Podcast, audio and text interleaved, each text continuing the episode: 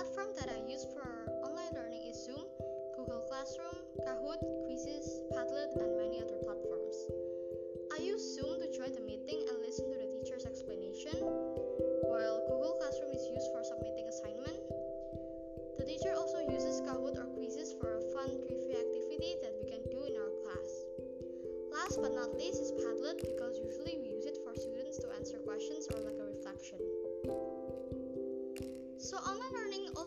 has its advantage and disadvantage. From my experience, the advantage is that I have a greater flexibility when scheduling my work, meaning it's easier for me to complete all my assignments, courses, and study too. Second is that I will gain new technical skills because I have to adapt to certain platforms.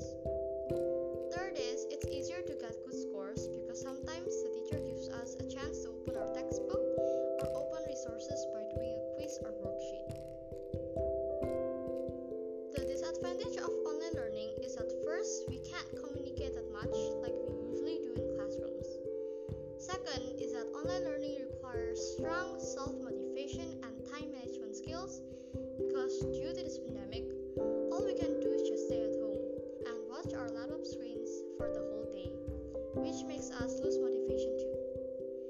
Third is about our internet connection. Sometimes we may have bad Wi Fi, so it makes us disconnect, and that will be super duper annoying. In my opinion, in person classes are better than online learning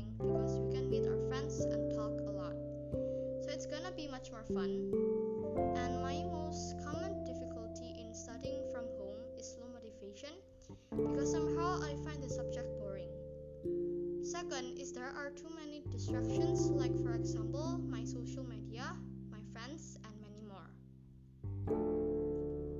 In conclusion, online learning has brought a positive and negative impact to the lives of students.